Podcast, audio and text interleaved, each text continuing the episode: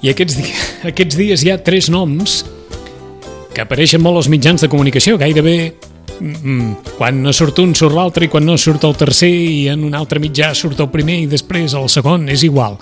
Si fa o no fa, entre Eduardo Mendoza, Sergi Pàmies i Joan Margarit, diguem-ne que, aquest, que aquest trio està sortint dia sí dia també a tots els mitjans. Llibres nous, Joan Margarit, no és poesia, no és poesia, és una història personal, és la seva història personal per tenir casa cal guanyar la guerra, de Sergi Pàmies, diuen que és un llibre sensacional, L'art de portar gabardina i d'Eduardo Mendoza, El rei recibe. Rosana Lluc, bon dia i bona hora. Hola, molt bon dia. Aquests tres llibres han entrat en força, eh? Sí, i, i un diria. Vinga. Un mes que és el de... La... Ho saps molt més tu que jo. No, no, no, però segur que ara, si t'ho dic, diràs que sí. Uh, la Marta Rojals. Uh -huh. Sí, eh? El cel no és per a tothom, també és una, una novetat que ha entrat amb molta força. Eh? Bé. Anava a dir, o sigui que amb aquests quatre ja faríem, eh? Ja, sí, bueno, ja faríem per llegir una estona i ja en faríem, eh?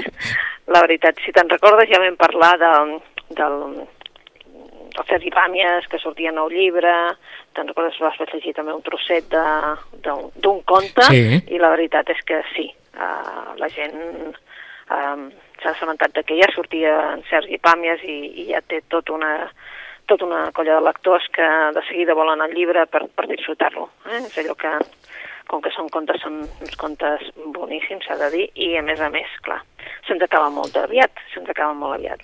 Per això tenim la sort de tenir moltes altres novetats a la taula per poder anar fent, eh? El de Em. Joan Margarit jo crec que és... Bueno, perdona. Que No, no, no, sí, és que anava, no, anava a preguntar, si haguessis de començar per un dels quatre, per quin començaries? Mm, clar, el de, jo vaig sentir primer, bueno, qual- qualsevol dels dos. La veritat és que el, el Sergi Pàmies té l'avantatge, vale? Que si penses, bueno, és tan curtet i tan punyent i, i pots llegir un conte i no cal que en llegeixis un altre en aquell mateix moment, que a mi em serveix molt per allò, per moments en què tinc, tinc pot temps i Sí. penso, bé, doncs ara em llegiré un conte o dos o els que pugui sempre acabo mm, fent salat, és a dir, fent tard en algun lloc perquè estaves llegint. Però vaja, eh, mm, jo començaria mm, per qualsevol d'ells. En, en tot cas, eh, potser pel, uh, pel de, del Sergi Pàmies, eh, el del Rei Recibe, se suposa que, clar, és una lectura molt més continuada, per tant, eh, has d'estar més, eh, bueno, més per la novel·la en aquest sentit, no? I el del Margarit és que és una joia és una joieta no? que ens explica doncs, tot aquells... Eh, jo crec que, clar, estem acostumats als, als llibres de poemes d'en de, Joan Margarit, cada vegada que surt un llibre de poemes ho celebrem, i, clar, eh, en aquest cas no és això, ens escriu, doncs, bueno, podries dir una espècie de... que no és, clar, no és una biografia, no és unes memòries, però sí és una espècie de, de memòries de tot allò, no?, que són els records, els records de, dels seus primers anys, dels llocs on va viure, amb qui va viure, amb qui va compartir terrats i, jo i jocs, amb el trasllat de, de Figueres, de l'àvia, de, de casa, un pis on vivia amb l'àvia, i on, um, a Girona, amb la gent que jugava a Girona, on te donava la casa, la seva germana, tota una sèrie de, de, de, de, també de pèrdues, eh? de pèrdues que també ens explica amb una prosa excepcional. No sé, no sé per quin, per quin d'ells començaria, eh? eh? Ens sembla que el de, el de Margarit és el més profund, eh? Sí, és el més profund en, aqu en aquest sentit de, de records eh, molt personals i també, clar, és una època bé, una època dura, estem sortint, és l'any 45 en amunt, i llavors, clar, és un, encara una Catalunya molt gris encara, eh, i, i la veritat és que és eh, molt maco, és unes sensacions molt maques d'ell sent un nano i explicant-nos com tirar endavant tot plegat, no? I amb qui, amb qui comparteix la vida, eh? I aquesta presència de l'àvia, aquesta presència també d'una germana no de la Trini, saps, que va morir, vull dir, una, uns, uns episodis que són preciosos, Mhm. preciosos, eh? Hem- per disfrutar-los. Hem trobat alguns, eh, alguns fragments a un, a un portal que us recomanem, que és el portal 14.cat, que és un portal de cultura. Eh, hi ha uns quants fragments de, del llibre. Recordem que el llibre es titula Per tenir casa cal guanyar la guerra. Ell diu, entre altres coses, que a casa no es parlava del passat. Té 80 anys, Margarit, va néixer el 38. Tot el que sé d'aquells antecessors que van arribar a Sanauja empesos per la fam es redueix a dues històries que em va explicar l'àvia. Quan ja no els ho podia preguntar el pare i la mare, perquè eren morts, van començar a sorgir les preguntes sense resposta. Tota gran tragèdia té alguna cosa de malefici, de mal averany. El cert és que la meva infància transcorrerà sota un gran paraigua negre de violència i mort. Ara, quan ja em queda poc per escriure, tinc el convenciment d'haver-ho fet condicionat sobretot per la Guerra Civil i la tètrica quietud dels anys de la repressió, també per la manera que em van cuidar i educar el pare i la mare absolutament terroritzats. I en un altre episodi fa referència precisament a aquesta qüestió de l'estimació entre pares i fills. I Margarit diu, jo sempre havia pensat que hi ha una relació directa entre l'amor que et donen i el que t'arriba. Però en reflexionar des de la senectut en la vida de la mare, m'adono que aquest plantejament és simplista i que moltes vegades vaig confondre la seva falta de destresa amb desamor. Em va estimar fins al límit sense haver sabut fer-m'ho comprendre. Tots dos varen patir per aquest motiu. Les circumstàncies familiars i les constants separacions a què ens va obligar la guerra tampoc hi van ajudar. Ara em pregunto si no pateixo també aquesta manca de capacitat per expressar l'amor. No respon la meva poesia a aquesta dificultat per transmetre l'afecte? Estimar-se, diu Margarit, potser no és un acte tan natural com la nostra cultura ens fa suposar. Són, allò, reflexions extretes d'aquest llibre que acaba de sortir, que com deia la Rosana i com dit el propi Joan Margarit, no és un llibre de memòries, no és un llibre de poesia, evidentment, però sí que és un llibre que evoca molts records i que intenta cercar el per què la poesia de Joan Margarit és com és i per què la seva vida és com és. Per tenir casa cal guanyar la guerra. Es promet una bona lectura, aquesta, està clar. Un, una bona lectura, una bona lectura i un, un començament de tardor. La veritat és que sí, és, és preciós, vull dir, hi ha tants sentiments, tant, tanta cosa abocada aquí, no?, de, de l'àvia, de com l'àvia el cuida, l'àvia el... saps? Doncs, però, per exemple, quan li demana diners per comprar-se una navalla, la- l'àvia s'esfereix, però clar, per ella és, és una arma, no és més que una arma, al final ho, ho aconsegueix, però tot el, tot el procés que hi porta i tot el procés aquest de, de, de, de les estones que s'estava amb l'àvia, no? de tot aquest eh, viure amb l'àvia, també doncs, és molt bonic, mm Mhm. -hmm. molt bonic, eh? Tot aquest D'una, fet, eh? sembla mentida també d'una generació per la qual els pares van tenir importància, però els avis en van tenir molta.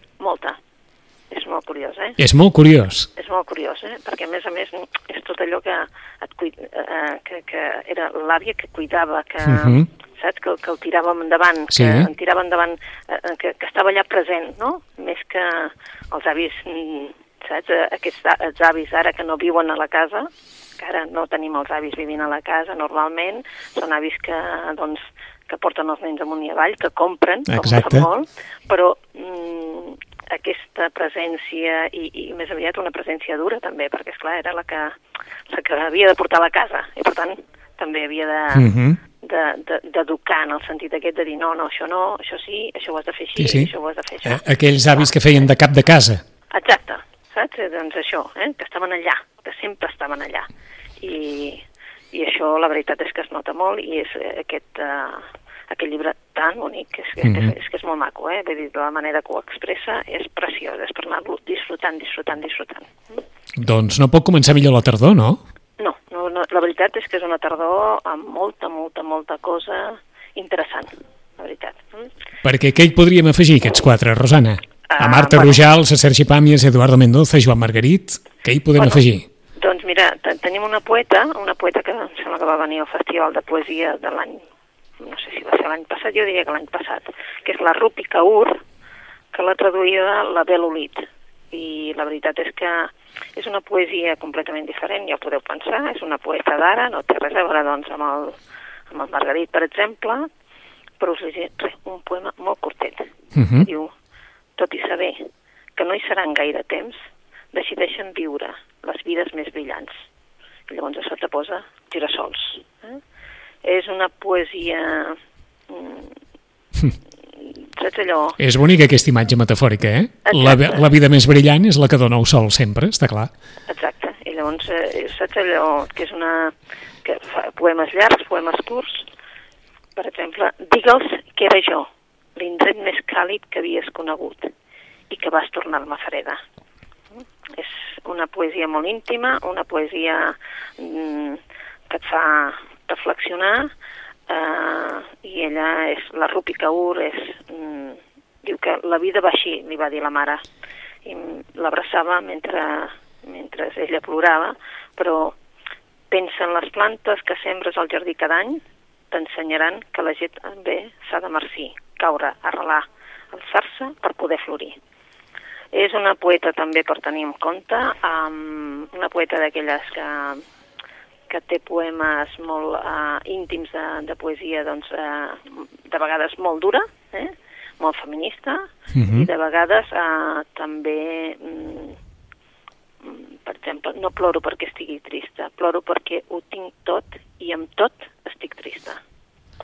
Això ho escriu eh, eh, perquè també ens en puguem fer la idea, eh? Hem, hem passat de Joan Margarit amb 80 anys Sí. a una poetessa de 25 anys. Que en farà 26 a l'octubre, però això que està llegint la Rosana ho escriu una poetessa de 26 anys. I hi ha un llibre que no l'hem dit, és El sol i les seves flors, no? El sol i les seves flors, sí. No és el, el, el primer llibre que escriu, que publica aquí, el llibre que, que publica aquí a casa nostra, perquè ja és el segon, el primer no s'ha publicat, que és Milk and Honey, però ja és el segon que publica aquí a casa nostra. Doncs es queden amb aquest nom, poeta, il·lustradora i actriu, indo-canadenca, Rupi Kaur. Mm? I el llibre, El sol i les seves flors, aquest llibre de poesia, d'aquestes poesies tan curtes, però també tan explícites, tan metafòriques, acaba també de sortir al carrer. Més. Més, doncs tenim un altre que Salamandra ho ha publicat en català i en castellà, és a dir, ens ha fet la traducció a les dues llengües, uh, la trenza, la trena de Laetitia Colombani. Um, és una autora, malgrat aquest uh, nom que semblava doncs, uh, italià, és de Bordeus, va néixer el 76 i la veritat és que ens ha fet una història de tres dones, tres continents. Ens parla de tres dones com a molt diferents. Una ens porta a la Índia, vale? a l'Esmita, que és una de la casta dels intocables, una dona molt decidida, una dona que odia el, el fet de que li hagi tocat eh, doncs, ser de la casta dels intocables i fer la feina que li ha tocat perquè no pot fer-ne una altra, perquè ja sabeu que els uh Mhm. -huh. està donat aquesta feina i no poden pas canviar-la, i el que li toca doncs, és, eh, la veritat és, eh, és anar a recollir realment, eh, anar a fer amb els pous secs que tenen les, la gent a casa, doncs anar a recollir doncs, tota la, la merda amb les mans. Eh? O sigui, és una feina horrorosa i ella voldria, doncs, què s'atreveix a dir? Doncs que vol un futur diferent per la Lalita. La seva filla té 6 anys i ella està decidida a que pugui anar a l'escola. Uh -huh. Està decidida a que tingui una altra vida, no vol portar-la amb ella, no vol que... ja sap que, que li toca el seu el futur, que li toca la seva filla és el mateix que ella, però ella lluitarà perquè no sigui així. Tenim una altra dona, la Júlia, la Júlia és, ens n'anem a Itàlia, la Júlia li encanta treballar amb l'ofici del seu pare, i als 16 anys doncs deixa l'institut i vol fer l'ofici que fa el seu pare. El seu pare té un taller en el que recullen els cabells i els diguéssim que els hi fan tot un procés i fan perruques Sí. i, i trenes. I la Júlia també doncs, buscarà un futur diferent, s'haurà d'enfrontar amb un futur perquè quan el seu pare té un accident doncs, eh, bueno, té una, una desagradable notícia, però vaja, eh, ella lluitarà, també és una lluitadora, i per fi tenim la, la, la Sara. La Sara és canadenca, és advocada, s'ha casat dues vegades, té una filla i dos fills, de, evidentment de dos pares, i ara està sola amb els nens i amb un cangur, que és un noi, que és el Ron, que és el que ajuda, però la Sara també haurà d'enfrontar-se amb molta decisió amb una malaltia. Les tres són tres dones que no es coneixen, però que en comú només tenen doncs, aquesta ganes de lluitar i de dir um, el meu destí serà aquest, però jo no el vull i faré tot el que sigui per donar la volta al destí que m'ha tocat. Eh? I això és el, La Trena, una novel·la que es llegeix amb un tres i no res i que et fa emocionar. Mm. Sembla una història, sembla una història potent, aquesta, eh? Eh? Que sembla una història potent, aquesta. Sí, sí, sí, ho és. Eh, A més a més està, està escrita com, saps, vull dir, primer et presenta un personatge, um, te'l deixa, torna a presentar un personatge, te'l deixa, torna a presentar el personatge i vas recorrent en, en la novel·la fins que vas uh, fent tu la història, perquè, esclar, el que he fet és, doncs, fer les tres històries i te les va intercalant Mhm. amb els episodis, no? És una història, doncs, molt curteta, perquè la veritat és que és curta, però és potent, és molt potent. Ara ja entenc per què. Guionista, directora, actriu, de reconegut prestigi, doncs evidentment una guionista sap allò, agafar el pols d'una història, eh? Sí, Doncs aquesta és la trena de Letizia Colombani, que va també de sortir aquestes tres històries de tres dones a la Índia, a Itàlia i a Canadà. Més. Més, doncs eh, ha sortit un llibre que no sabem si tindrà la mateixa repercussió que va tenir el primer. Si us dic que es diu Operació Urnes, direu, home, sí. Eh?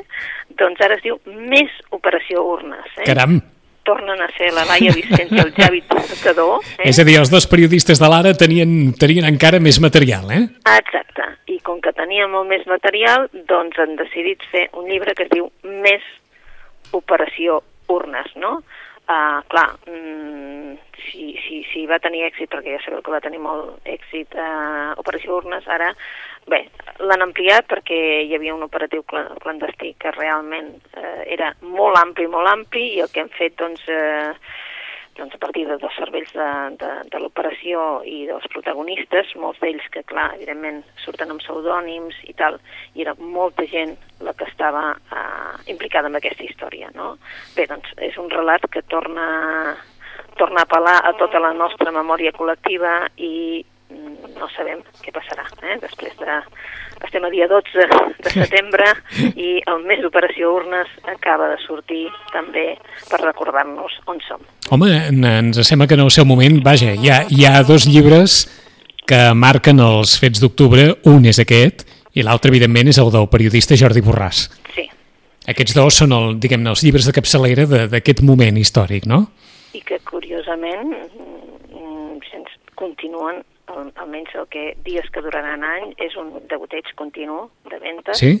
Sí, perquè doncs, la gent que no el té doncs se'l regala o el regala. Mhm. I ara ja sí que és això de dir, és que jo el vull tenir, saps allò? Jo el vull tenir.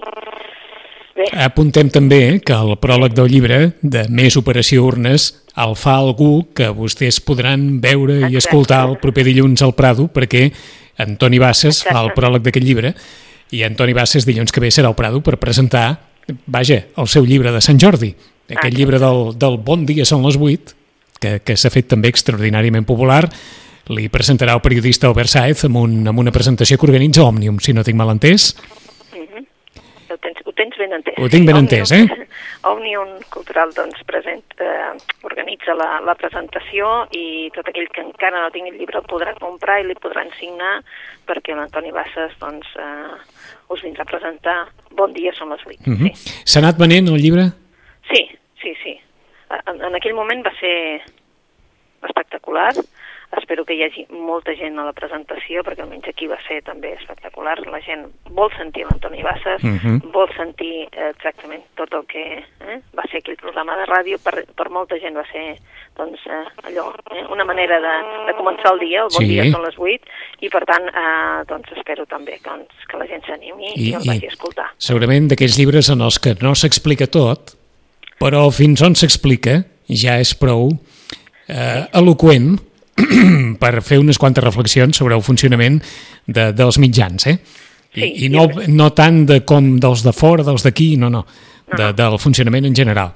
Sí, i a més a més, suposo que farà igual, eh, aquí ens ha explicat tota una sèrie d'anècdotes personals, no?, Mhm. de molta gent que li que li envia missatges i que d'ànims, eh, saps, I, i de coses que, que han anat passant i que li expliquen, eh? i que li envien, i, i ell llavors doncs, eh, demana permís per explicar-les doncs, mm -hmm. al públic. Eh? Hi ha entre, entre una d'aquestes anècdotes que explica el llibre, si no recordo malament, mm, perquè cada capítol més o menys finalitza amb una anècdota d'aquest tipus, n'hi ha una de, de molt bona que un oient li comenta que va tenir un accident de trànsit però absolutament aparatós, un accident molt greu, i que quan va obrir els ulls, quan ella va despertar, el primer que va escoltar va ser la veu d'Antoni Bassas en, eh, en el programa, en el magazín del matí de Catalunya Ràdio. I té, vaja, indissolublement gravat aquell, aquell record d'haver salvat la vida amb, amb la veu d'Antoni Bassas. Un de, dels molts, eh? Ell explica un sens fi d'anècdotes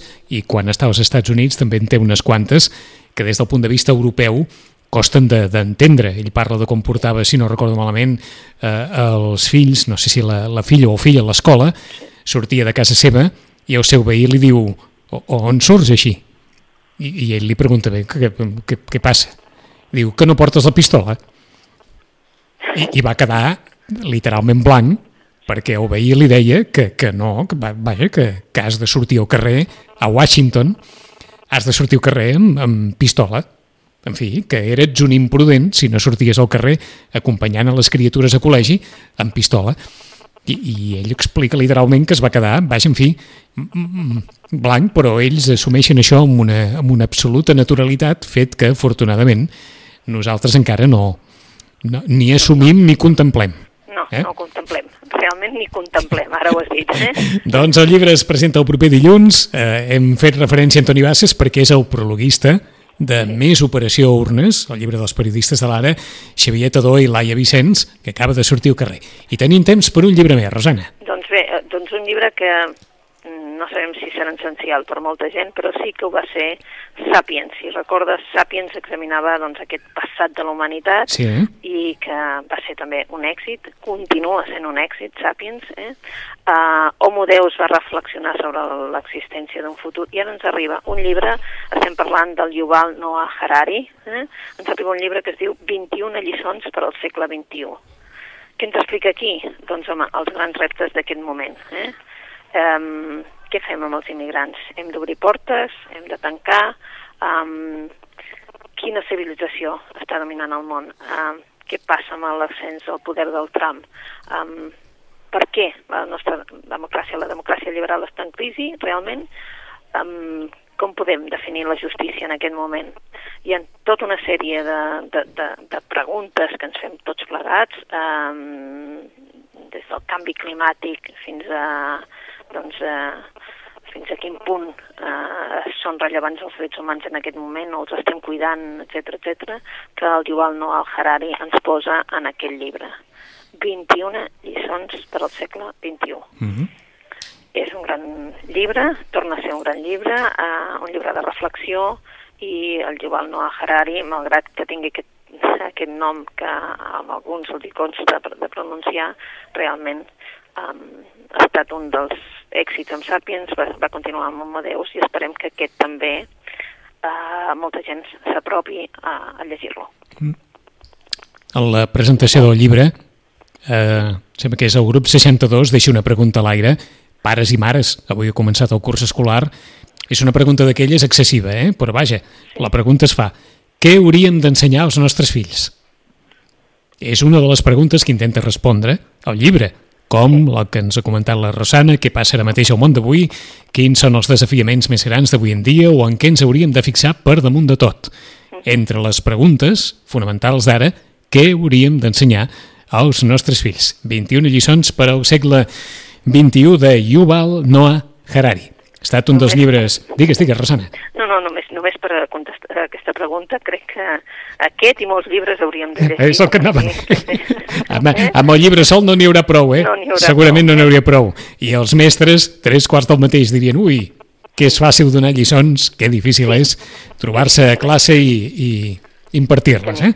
Exacte. 21 lliçons per al segle XXI ha estat un dels llibres que ens ha recomanat la Rosana, més Operació Urnes, un altre, La Trena, aquestes tres històries de dones, una intocable de la Índia que busca un futur millor que el que li ha deparat el destí, una italiana que treballa a la perruqueria del seu pare, però que veurà en el seu moment com, arran d'un accident del seu pare, haurà de reconduir la seva vida, i una advocada del Canadà amb dos fills de dos matrimonis, a la qual li sobrevé una malaltia i també s'hi haurà d'enfrontar. La trena de Letitia Colombani, de Rupi Kaur, un llibre de poesia ben bonic, El sol i les seves flors, i aquests quatre llibres de capçalera amb els quals pot començar la tardor. De Marta Rojals, El cel no és per tothom, de Joan Margarit, Per tenir casa cal guanyar la guerra, de Sergi Pàmies, L'art de portar cabardina i d'Eduardo Mendoza, El rei recibe. En 15 dies tornarem a ser aquí fent un repàs a les novetats literàries. Rosana, bona lectura. Bona lectura i bon començament de curs per a tots aquells que ho hagin fet avui. Vinga, gràcies. Adéu-siau. Adéu. Adéu.